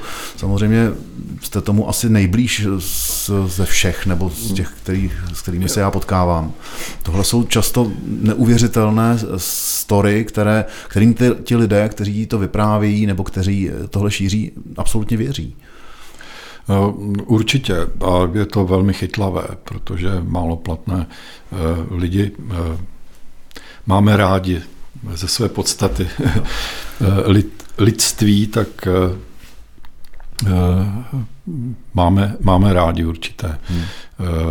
zprávy s stopami senzace a senzace chtiví Eh, senzace chtivost eh, nás eh, nějakým způsobem doprovází, takže ne, nelze se tomu ani nijak divit. Já osobně se domnívám, že nikdo takový zatím nějaký ten ten velký démon, který, který by měl bezprostřední zájem nějak poškodit lidstvo, jako takový, takže ten zatím eh, rozhodně není. Jiná věc je, eh, jak je to vlastně s tím nebezpečím virových agent, jo, jak je to, řekněme, s viry a jejich zneužitelnosti a tak dále využívání virů jako jakýchsi bojových biologických zbraní, tak eh, to tím se lidstvo zabývá už delší dobu hmm. a, a naštěstí eh, podobně jako je to s, tím, eh, s těmi chemickými zbraněmi, ani o těch biologických zbraní a virů nevýjímaje nelze totiž predikovat, kam se vítr obrátí, v úvozovkách řečeno, a koho nakonec ta biologická zbraň zasáhne, takže s jejich používání, jej, jejich použití pro tako, takovýto účel má eh, naprosto zásadní, eh, naprosto zásadní omezení. Jiná věc je, že skutečně viry jsou v případě virů se vede, vede, vedou učené debaty o tom, jestli, jestli virus je objekt, částice, Eh, infekční částice. Eh, jestli jako taková je, živ, je živou eh, částicí, nechci říct raději organismem, protože když se řekne organismus, tak striktně vzato už se jedná o živý organismus, neboli živ, běžně slýcháme i u odborníků, že používají výraz a Tady vezmeme živ, živý organismus, bakterii jako živý organismus. Mm-hmm. Je, můj vzácný pan profesor Koštíř nám vždycky říkal, to je nesmysl. Živý organismus je pleonasmus. Organismus samotný už je živý. Takže ale nechci být takhle jazykově akurátní. No vede se zkrátka debata o tom, jestli virus je živý nebo není živý. Virus jako takový. Když ho máte ve skumavce, tak eh, bez hostitelské buňky, vnímavé hostitelské buňky, do které on je schopen vlézt a opanovat ten genetický aparát buňky pro svoje, svoje, svoji potřebu, tak je vlastně neživý.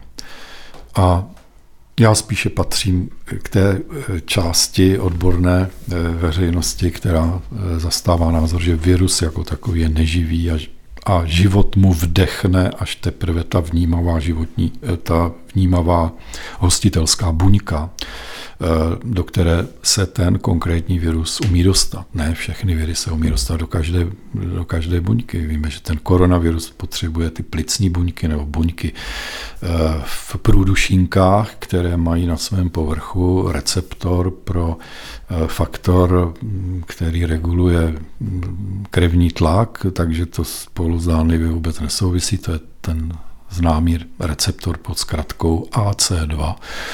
A, a ten je shodou okolností těmi vrátky, skrz které se dostává ten, tento, právě tento koronavirus do lidského organismu a pak ho posléze velmi snadno zachvátí a podmaní si.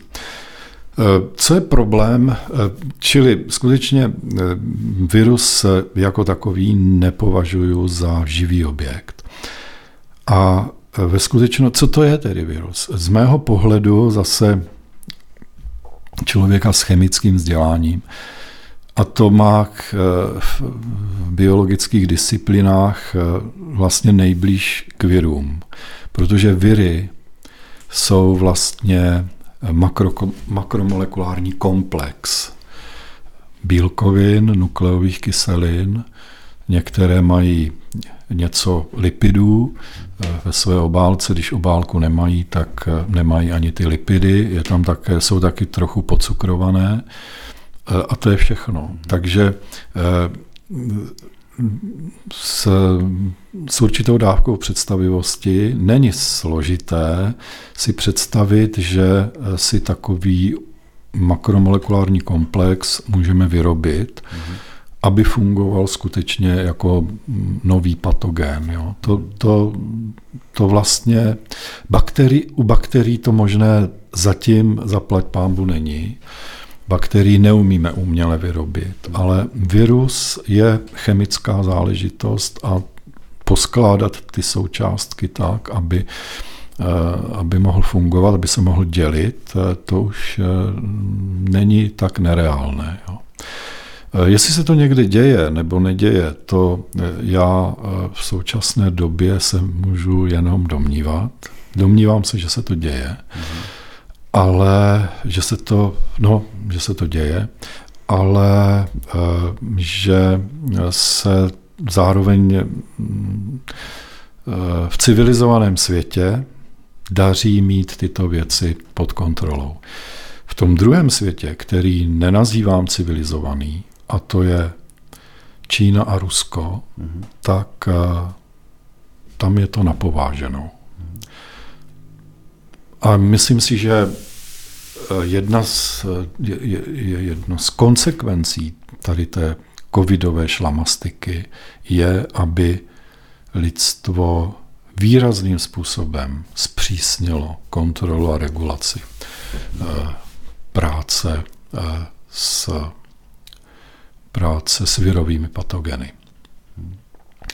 Jak se to může dařit složitě, protože to víme dobře i z takové oblasti, jako je jaderné odzbrojování, jak můžeme donutit eh, nejrůznější státy s nejrůznějšími ideologiemi a předsudky a tak dále a potřebami svého dalšího uplatnění, aby něco nedělali. To dost dobře nejde. Čili jako reálná rizika nepochybně tady existují v tomto ohledu.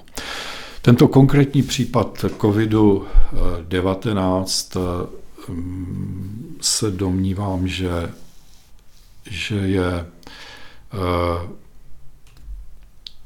že se mohlo jednat a také některé indicie toho, eh, té vyšetřovací komise, která, kterou poslala bohužel s více jako ročním spožděním vlastně mohli vstoupit do laboratoří ve Wuhanu eh, inspektoři Světové zdravotnické organizace, tak eh, že to je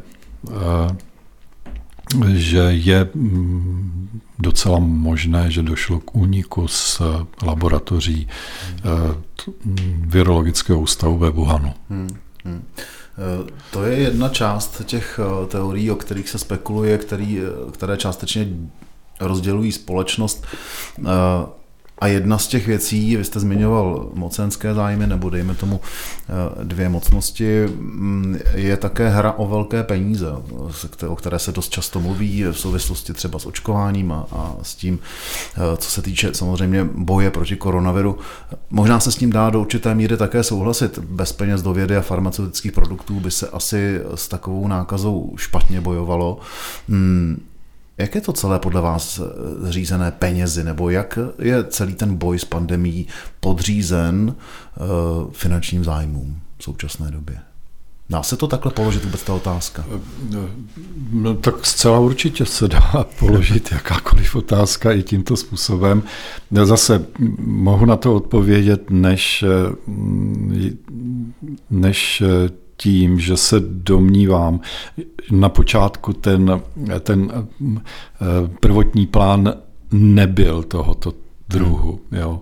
Že eh, to rozhodně nebylo vyvoláno, aby se nějaké finanční skupiny a ovládli, zachvátili svět a, a e, převrátili ekonomiku na ruby.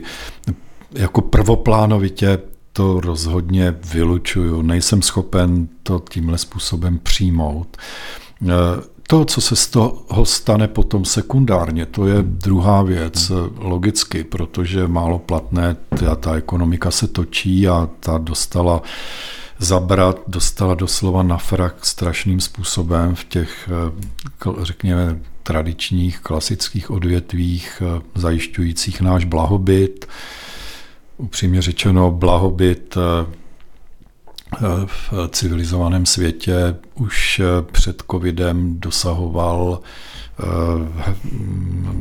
dosahoval takového, takového stupně, že už jsme, že už byla vůbec otázka, kam ještě chceme vystupňovat hmm. ten to naše úsilí, abychom, abychom toho měli ještě trochu víc a tak dále, abychom toho štěstí v podobě nějaké, nějakých hmotných požitků eh, dokázali, eh, dokázali uchvátit pro sebe ještě víc. To, to těžko předjímat, eh, jo, to, je to strašně zajímavý dívat se na, na, na, na ty souvislosti logicky eh, člověk je inteligentní bytost a na tu, eh, na tu pandemii musel zareagovat tak, tak jak zareagoval. Že eh, v laboratořích byl, rozprac, byl rozpracován koncept moderních vakcín, ať už té genové RNA vakcíny anebo vektorových vakcín, o tom není pochyb. To bylo vlastně už naštěstí iniciováno těmi eh, dvěma epizodami vzpomínanými SARSem jedničkou a MERSem, kdy eh, se velmi v té době těch, řekněme, posledních 20 let podařilo urychlit technologii právě těch, zejména těch RNA vakcín, které dlouho odolávaly vlastně od eh, počátku 90. let, kdy s tou myšlenkou s, přišli, přišla maďarská biochemička Kariko vlastně jako první a, a pak, pak to strašně dlouho odolávalo jednoduchý princip RNA vakcíny, ale spoustu problémů, a, které vlastně dávali tušit, že možná nikdy se to nepodaří nepodaří eh, do úspěšného konce dotáhnout a pak zase přišly další chytré mozky, které eh, to vylepšili a, a eh, vlastně odstranili nedostatky celé, celé tohoto konceptu té RNA vakcíny. No a Dneska máme vlastně k dispozici úžasný nástroj, který je jednoduchý ve, sv, ve způsobu svého fungování, velmi elegantní, eh, vylučující prakticky všechny ty, no, vylučující definitivně všechny ty obavy z vakcín, které se, které se stále přetřásají a, a nebo se dokonce zveličují, všelijak se upravují do nejméně, do úplně no, ne, neuvěřitelných podob a, a strašení vlastně lidí. No, tak to všechno se podařilo vlastně. No ale jistě, no, jsou zatím velký peníze, že jo? jsou zatím e, v době, kdy v té počáteční fázi, kdy všichni kdy jsme měli na kahánku takzvaně a kdy jsme si uvědomili, no to je teda opravdu, to je fakt velký průšvih a tohle, tohle eh, může dopadnout hodně blbě, tak jsme měli vlastně radost, že eh, to najednou vlastně ta skvělá zpráva, že ty vakcíny byly vyvinuty v podstatě za tři týdny. A zbytek do těch eh, deseti měsíců probíhaly Eh, náročné klinické zkoušky, preklinický a hlavně pak ty klinický, ta třetí klinická fáze, ta je velmi náročná do roka vlastně byly schválený, no, dřív než do roka, už před Vánoci Pfizer byl schválen. Takže eh, to, je, eh, to, to šlo takhle rychle právě proto, že to bylo doslova připravený. Ale je absurdní si myslet, že právě, řekněme, třeba eh, ti velicí bohatí a mocní, kteří do toho dali peníze a kteří to kteří to nějakým způsobem, zásadním způsobem urychlili, takže měli nějaké zrůdné, zrůdné úmysly e, to zneužít k získání nějaké ekonomické moci a tak dále. Popravdě řečeno, těch vakcín se přišlo strašně moc peněz daňových poplatníků. Že? Díky Trumpovi. Trump do toho dal Eh, myslím, že víc než 4 eh, miliardy nebo 5 miliard eh, amerických dolarů, minimálně čtyři firmy, včetně Novavaxu, který vyrábí tu vakcínu ještě neschválenou, tady v Praze, u Prahy, v Bohumili, tak, tak a ta je ještě teda ve schvalovacím procesu, tak všichni dostali tak jako miliardu a půl amerických dolarů na, na, na, to, na tu realizaci a rozjetí vlastně eh, klinických testů a tak dále. Takže eh, to je, eh, je to téma, které snadno, snadno přivádí fantazírující lidi k tomu, aby, aby hledali nějaké nějaké takové fantasmagorické vysvětlení, že někdo prostě rozděl velkou hru a, a chce ovládnout lidstvo a svět právě přes ten biznis kolem vakcín nebo kolem diagnostiky. Jo. Stejně tak by se dalo říct, víte, bylo by to také, já mám taky někdy takovou tendenci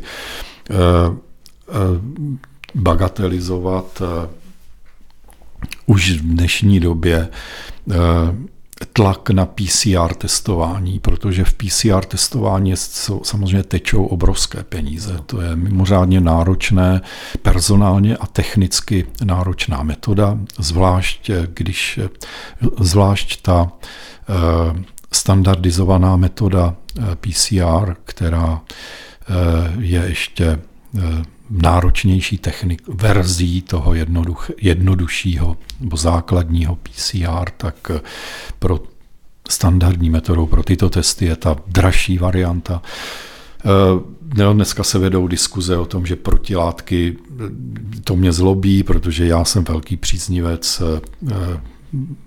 stanovování, monitorování protilátek. Běží infekční onemocnění, notabene pandemie infekčního onemocnění a my děláme, že protilátky nás nezajímají. To nedokážu pochopit a je, je to skutečně naprosto skandální když slyším od paní náměstkyně eh, ministra eh, zdravotnictví, jak eh, protilátky nejsou dostatečně spolehlivým zdrojem informace. Protilátky jsou základním zdrojem informace. Navíc v, při dnešních možnostech té laboratorní diagnostiky můžeme vyšetřit celý, celou zemi na protilátky během když ne týdna, tak dvou týdnů eh, eh, kapkovou metodou prostě z, z, z, z kapky krve. A my to ignorujeme.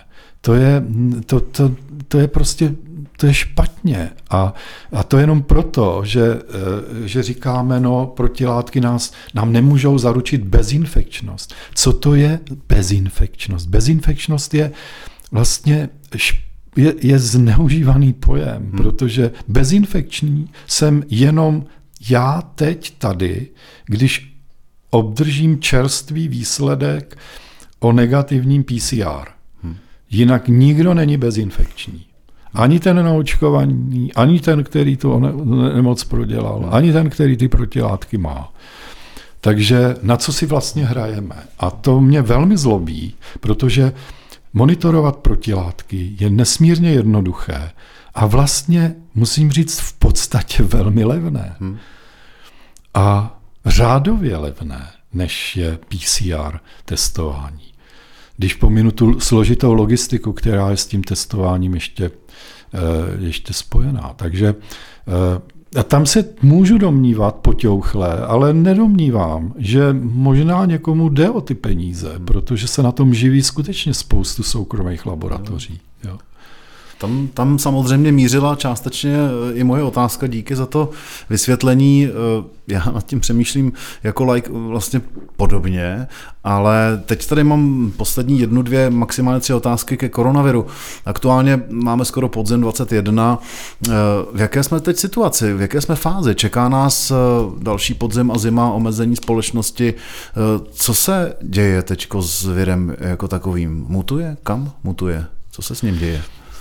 Virus mutuje stále, hmm. takže v každém napadeném člověku, který prodělává tu infekci, tak vznikají mutace a mm, ty mutace se e, z pravidla rozumějme z 99,999 procent neuplatní, protože nemají žádný selekční význam. A e, pokud se nám daří aby, eh, aby ta takzvaná virová nálož v cirkulaci mezi lidmi byla nízká, aby to reprodukční číslo bylo pokud možno pod jedničkou, tak se ani eh, nemůžou eh, nemůžou uplatnit ty nově vznikající mutanty. Mm.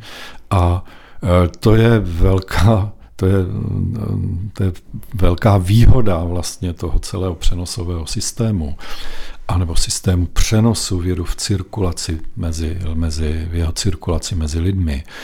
Eh, nové varianty vznikají v oblastech, kde je eh, veliká nálož viru a je tam majoritně, většinově naivní to imun, imunologicky, imunitně naivní eh, obyvatelstvo, to znamená, že nemá obranu před, eh, tí, mhm. před eh, tím koronavirem. To je případ Indie, proto v Indii vznikla ta indická mutace neboli delta. To je teď, teď můžeme mít právem strach, co se bude dít ve Větnamu, protože ve Větnamu probíhá teď taky takový velký průlom. Mm. Takže při takovýchto velkých při takovýchto velkých epi, eh, epizodách pandemického mm-hmm. průchodu mm-hmm.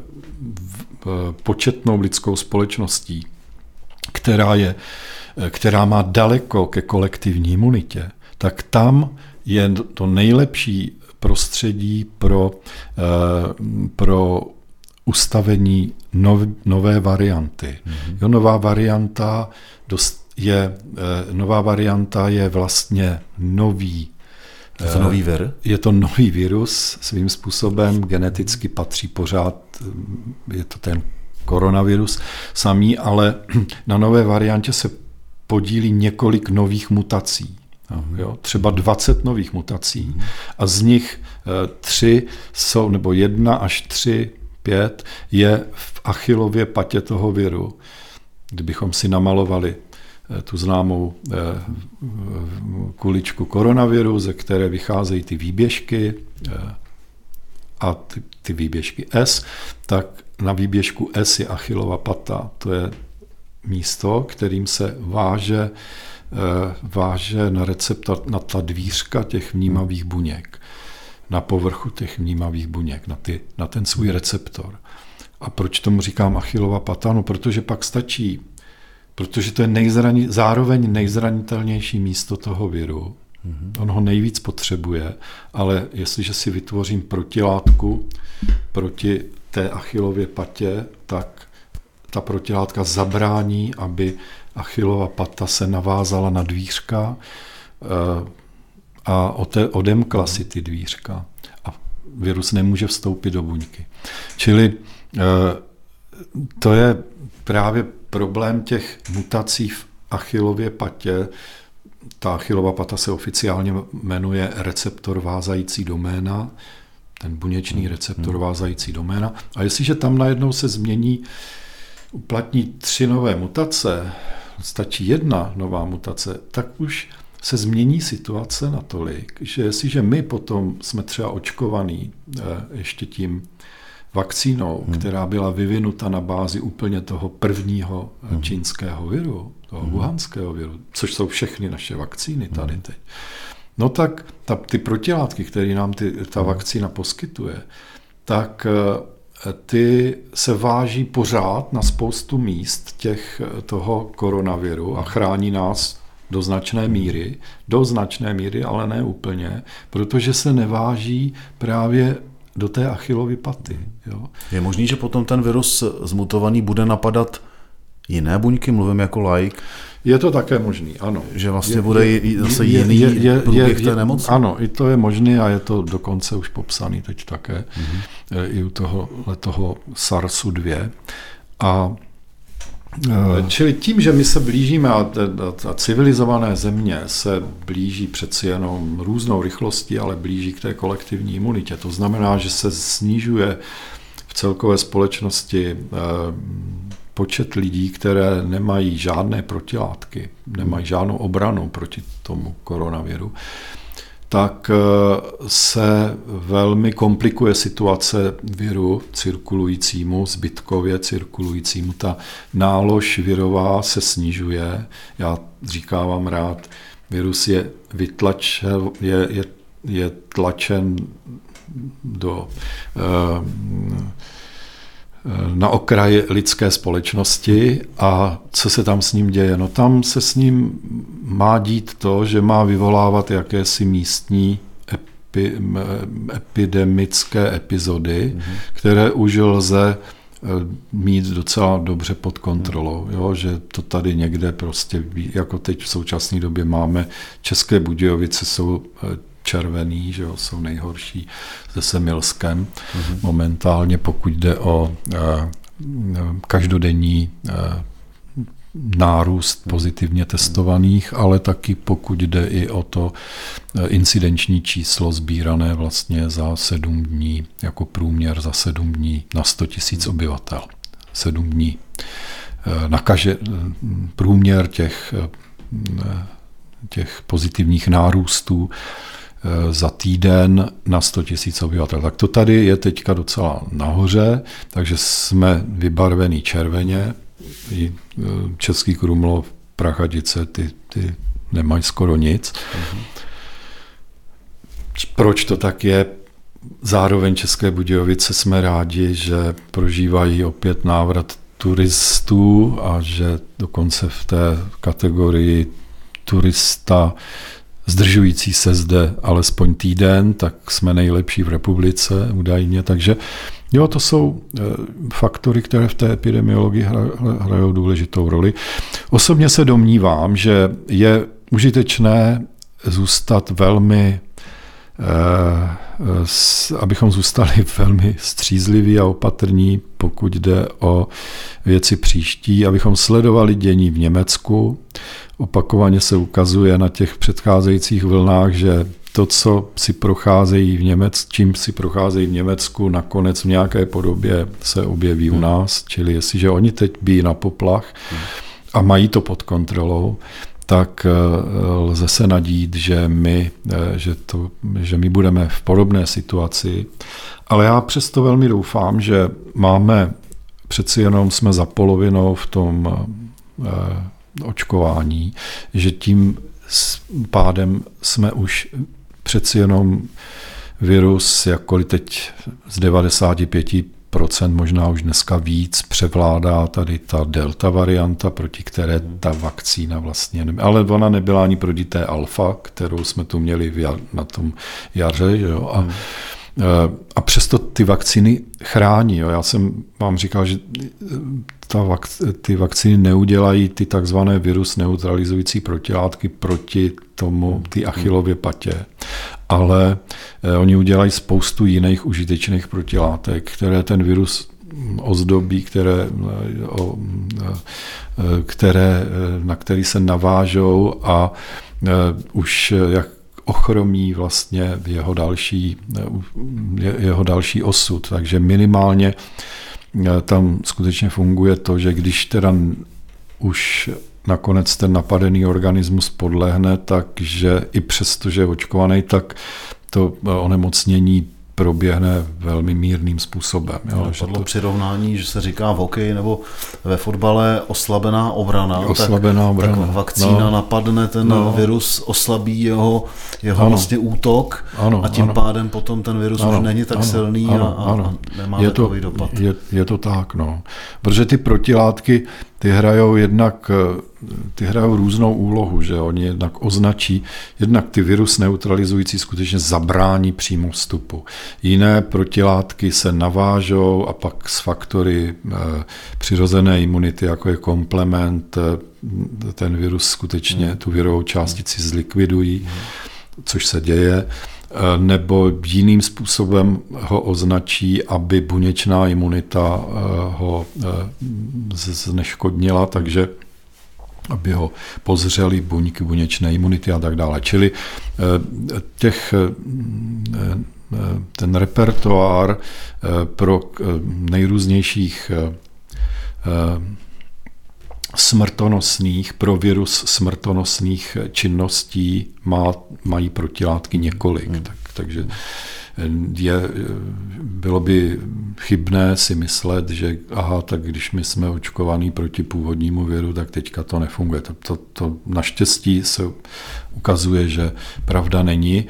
I když eh, zase argumenty jo, proti eh, nebo argumenty oslabující Eh, tuto tézi eh, přicházejí z konkrétních zemí. Eh, Izrael má dneska opět že jako velmi proočkovaná země, tak už dneska... To bylo jedna z prvních, ne první. No, tak dneska už Mahem plošně vlastně v podstatě přeočkovává třetí dávkou a, mm, a jistě se to, to právě ta Izrael je takovým příkladem, a nakonec i Velká Británie, že asi bez eh, té třetí dávky, minimálně teda v určitých věk, zejména těch starších věkových skupin, starší věková skupina je v podstatě 50 plus, jo, protože 50 plus znamená velmi eh, celkem citelné eh, snižování aktivity imunitního systému. Jo.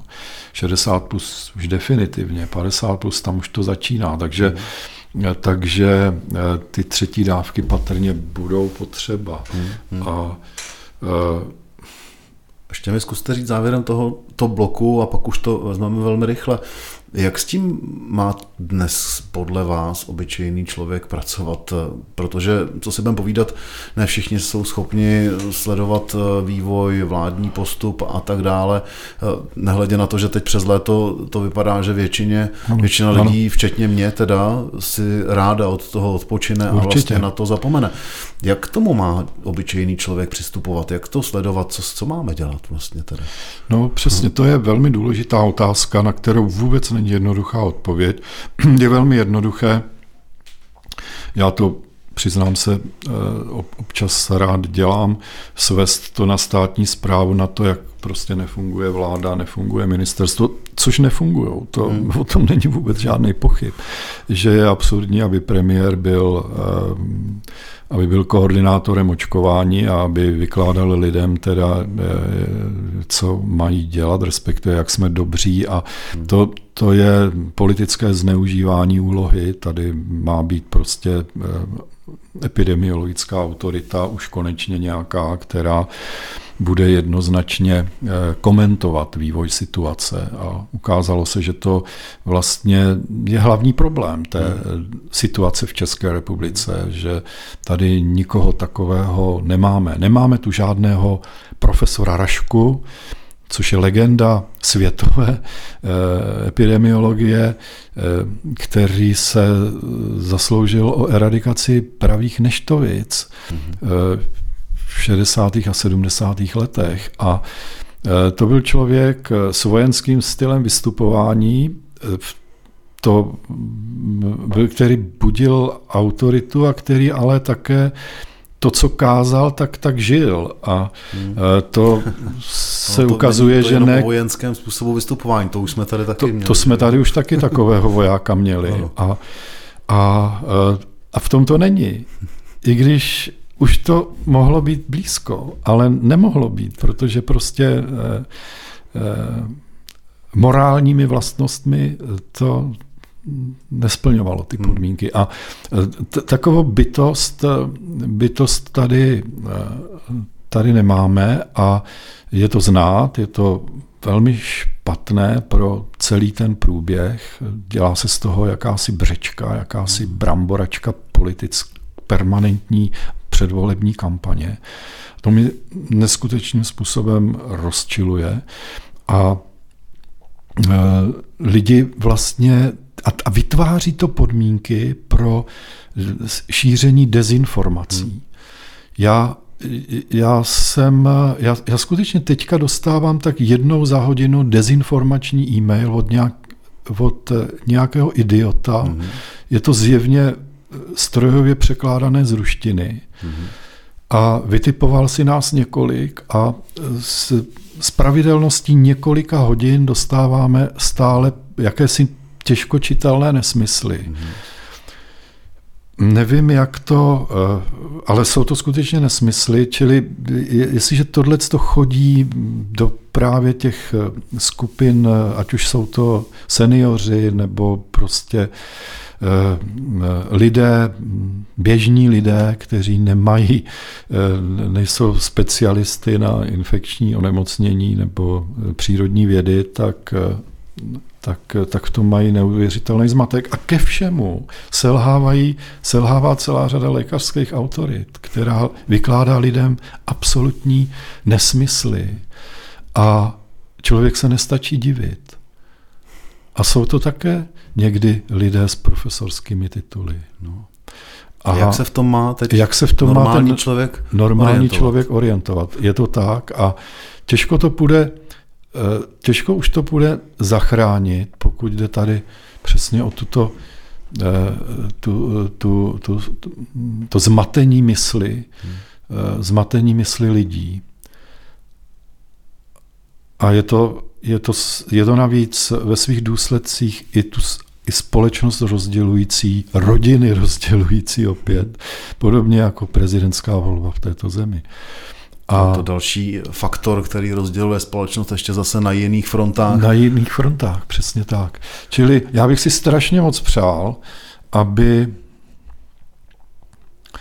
eh, aby eh, se nám podařilo, když už, když už nelze napravit to zmatení, lze ho napravovat, v tom nesmíme ustat. Neustále každý, kdo může, tak eh, vlastně se snažím neodmítat eh, žádné, eh, žádná pozvání do, do sdělovacích prostředků, ať už tištěných nebo médií, prostě rozhlasu, televize a tak dále, protože je to hrozně důležité. Vím, že to má velmi omezený dopad, ale přeci jenom nějaký dopad to může mít.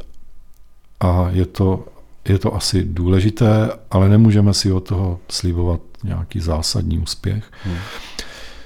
Co bych si moc přál, aby, aby se přeci jenom podařilo jasně prokázat, že, a to, to, to se daří, to, to tak je, jinak bychom neměli ta čísla, které, stylem, jakým teď žijeme, tak kdyby, ne, kdyby se neuplatňovala ta dílčí nebo už většinová kolektivní imunita, řekněme mírně za, za polovinou, tak, by, tak bychom neměli taková uh, relativně příznivá hmm. čísla, jaká máme teď. A uh, v, moc bych si přál, aby i to, i ta, řekněme, pozdně letní, respektive podzimní vlna byla jenom jakousi vlnkou, kterou Eh, eh, kterou projdeme už docela bezpečně. A to bych si přál i já. Jihočeský podcast. Jihočeský podcast s Deborem Grubhoferem. Poslední sada rychlých, krátkých otázek. Pane řediteli, mám tady ještě teda jednu, ale ano. nebudu ji rozjíždět víc, protože to bychom se dostali zase ještě úplně na jinou, na jinou úroveň, ale vím o vás, že jste poměrně činorodý i na společenském poli a tak dále. Základní otázka, mm, máme za sebou teď několik uzávěr lockdownů, takzvaných. Mě jako člověku, co chodí na koncerty a má rád kulturu a má blízko ke kultuře, ta kultura chyběla. Co vám? Jak, jak to na vás eh, dopadlo? To, že vlastně jsme byli všichni zavření a, a třeba jsme nemohli jít do toho divadla nebo na koncert a tak dále. Cítil jste to, pocítil jste to na sobě? Eh, no určitě, samozřejmě jsem také kulturní člověk a mám rád společnost, hmm. rád do společnosti chodím, takže chybělo mě to moc, to eh, zcela jistě. Mám jenom v, tom, v takovéto situaci mám zase řekněme tu v úvozovkách výhodu, že to vidím z profesionálního hlediska, takže opravdu vidím závažnost té situace, takže eh, to chápu. Hmm. Jo. Eh, ne, ne, že bych chápal úplně všechny kroky, vůbec ne, které byly eh, v těch lockdownech udělány rozhodně. Rozhodně se mm, velkou chybou bylo zavření škol a, a setrvání v tom hmm. zavření škol po tak dlouhou dobu. Hmm. To zanechalo obrovské stopy na dětech a v celé té věkové škále až po střední školy. Myslím, že to zanechalo velmi negativní vliv. A to, to byla velká chyba. To, e, znovu se vracím k tomu na, na, na, našemu státu. Víte, já, já si znovu a znovu uvědomuju, jak snadné by bylo eh, radit se více s těmi našimi sousedy, s Rakušany a s Němci, kteří z toho vycházejí bezvadně. Hmm. Rakušani umějí, zvlášť Rakušani, protože jsou malá země, tak eh, ty to umějí, ty, ty řídějí tu pandemii, skoro bych řekl, eh, lékárnickým způsobem s jakou elegancí oni provozovali eh, lyžování, eh, eh, prodej těch skipasů a, a vůbec logistiku na sjezdovkách, to bylo, to bylo obr, úžasný, a, ale to je jenom samozřejmě jejich národní průmysl, takže na, o ten jim skutečně šlo. Oni mají neuvěřitelný ekonomický růst, oni mají 4,2% a teď podle nov, nejnovějších údajů, my máme 0,6 ubohých a, a Evropská unie teda má 1,2, ale Rakušani mají, Rakušani, Rakušani mají 4,2. A, a my, my je nesledujeme, my, my se snažíme jako dělat, jako že tady nejsou, ale nejsou tady ty jejich úspěšné postupy. Přitom k něm historicky a obecně historicky máme blízko. Jsme je, skoro jedna rodina a přesto máme potřebu se nějakým tímhletím způsobem vymezovat a, a nevím, co, co tam je za všelijaký možná předsudky. A je to hloupost jako současných politiků našich. No. To je bohužel smutný. Já to tady mám trošku zuštěný několik těch otázek. Ano, Já nebudu, nebudu je asi pokládat všechny. A chtěl bych to na závěr trochu odlehčit. Jak odpočíváte? Co vás nabíjí energií? Je, víte, eh, já to mám s tím odpočíváním trochu složité. To vůbec nechci říct, že permanentně pracuju a tak ne. Já, eh, já potom, když bych, se, když bych měl aktivně odpočívat, tak, eh, tak možná se trochu trápím, že jako proč bych, proč, proč teď zrovna nic nedělám, když bych ještě měl dělat a jenom tak jako chytám lelky třeba. Ale na, na, ten, na, na jakékoliv eh, vlastně aktivity v mém volném čase, v takzvaném volném čase, který opravdu moc ne, ne, kterého moc hmm. nemám, tak, eh, tak nemám vlastně čas a také v současné době ne, přinesl jsem si z mládí nějakýho, nějaký zásadní koníček, mm. kterému bych se mohl věnovat třeba v průběhu celého života, kromě té práce, no, protože jsem jí eh, vlastně posedlý a od, od svého mládí. Já, já jsem eh, jako systematicky chtěl jít, eh, chtěl jsem se věnovat tomu, čemu se věnuju. Věděl jsem prostě ve 14 letech, že chci vystudovat biochemii, pak jsem se v určitý moment natchnul právě díky tomu, že eh, jsem měl možnost eh, se dozvědět něco o člověku jménem Dimitri Slonim, který se mě pak stal na, na vlastně důležitou součástí mého života, milovaným panem šéfem a v Praze v Ústavu očkovacích látek, tak jsem vlastně eh, eh,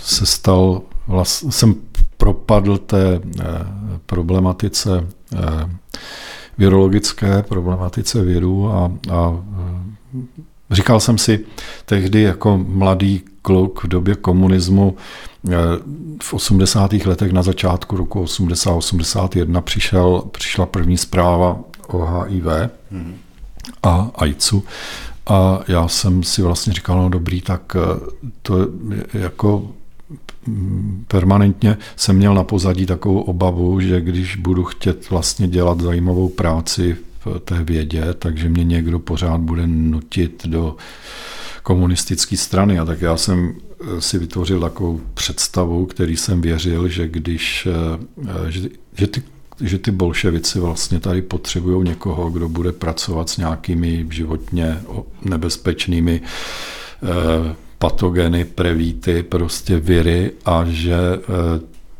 pak mě dají pokoj. Takže když se objevilo HIV, tak jsem to měl tak jako namyšlený, že, že bych se eh, právě rád zapojil do, do toho HIV výzkumu, ale nakonec život tomu chtěl jinak a tehdy jsem pracoval na úplně jiných věrech právě u toho zmíněného eh, Dimitrie Sloniva, který je eh, mimochodem osobností, je muž, je, je muž eh, vděčíme za všechny ty vakcíny úspěšné, počínaje vakcínou proti dětské, poli, dětské obrně, která vymítila, vlastně přispěl k tomu se svými kolegy, že Československo v 60 tém prvním roce bylo první zemí, která vymítila eh, dětskou obrnu.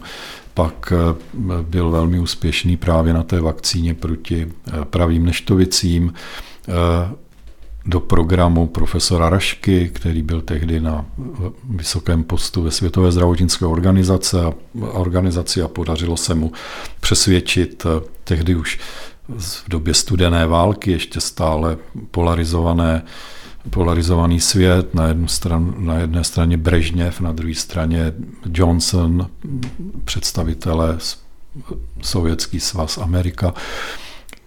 Ty, tyto dva vlastně, tyto dvě osobnosti, které měly tehdy osud světa ve svých rukách, tak pochopili, že proti pravým neštovicím je třeba spojit síly a e, skutečně vznikla celosvětová kampaň, e, očkovací kampaň proti pravým neštovicím. V tom ten můj pan šéf Dimitri Sloním sehrál e, důležitou roli, protože zase připravil jednu z nejlépe hodnocených vakcín proti pravým neštovicím, která šla do světa. Pak udělal vakcínu proti spalničkám, živou vakcínu a proti příušnici. Já jsem tam právě přišel v době, kdy už byl vlastně v závěru té své slávy a kdy eh, už byla hotová ta vakcína proti, živá vakcína proti příušnicím a pracoval jsem na na příušnicích, no, na, na věru příušnic. Já se musím usmívat, protože my jsme se eh, od otázky, jak odpočíváte, dostali zpátky práci. vaší práci. No, no, no, to no. je neuvěřitelný, tak tady se ukazuje, že opravdu u vás ta práce je Já, koníčkem a to platí asi bez zesporu, že Já, mým koníčkem v té vědě je vlastně, jsou ty reálie kolem vědy, jo. To, jak, jak věci vznikaly, jaký lidi, mm-hmm. jací lidé na nich pracovali, jak, jaké pohnutky měli, aby něco začali, na, na něčem začali pracovat. Takže paradoxně jednou se mi nějaký novinář zeptal, co mě na té vědě baví nejvíc. A já jsem eh, po krátkém eh, přemýšlení mu odpověděl, že na vědě mě baví nejvíc ty, ty lidi, kteří tu vědu dělají a bez kterých by vlastně neměla vůbec žádný smysl. A je to tak a to, a to je vlastně můj koníček zároveň. No, no. To bude podobné eh, jako u mého bývalého kolegy a předchůdce tady za mikrofonem jeho českého podcastu, vašeho tedy předchůdce Daniela Stacha, eh, který to má hodně podobně. Poslední opravdu odlehčená otázka. Jakou třeba posloucháte muziku? Posloucháte muziku? Poslouchám muziku a uh, myslím, mám, já mám rád v podstatě spoustu žánrů, líbí se mi, líbí se mi rock, rockové věci, takový jako evergreenové záležitosti, hmm. to definitivně.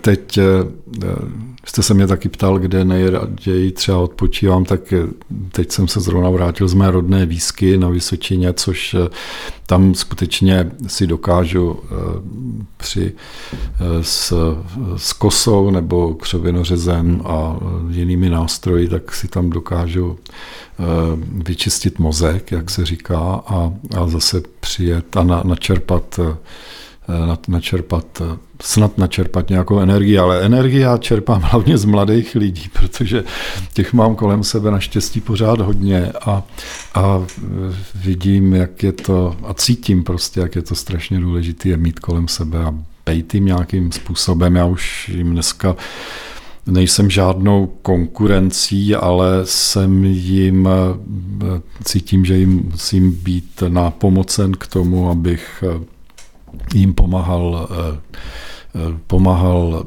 tu cestu nějakým způsobem ne zjednodušovat, ale, ale nebo zpříjemňovat určitě a, eh, abych i těmi zkušenostmi, které mám, tak aby se prostě nemuseli trápit s věcma, které jsou zbytečnou komplikací jejich a naší každodennosti. No.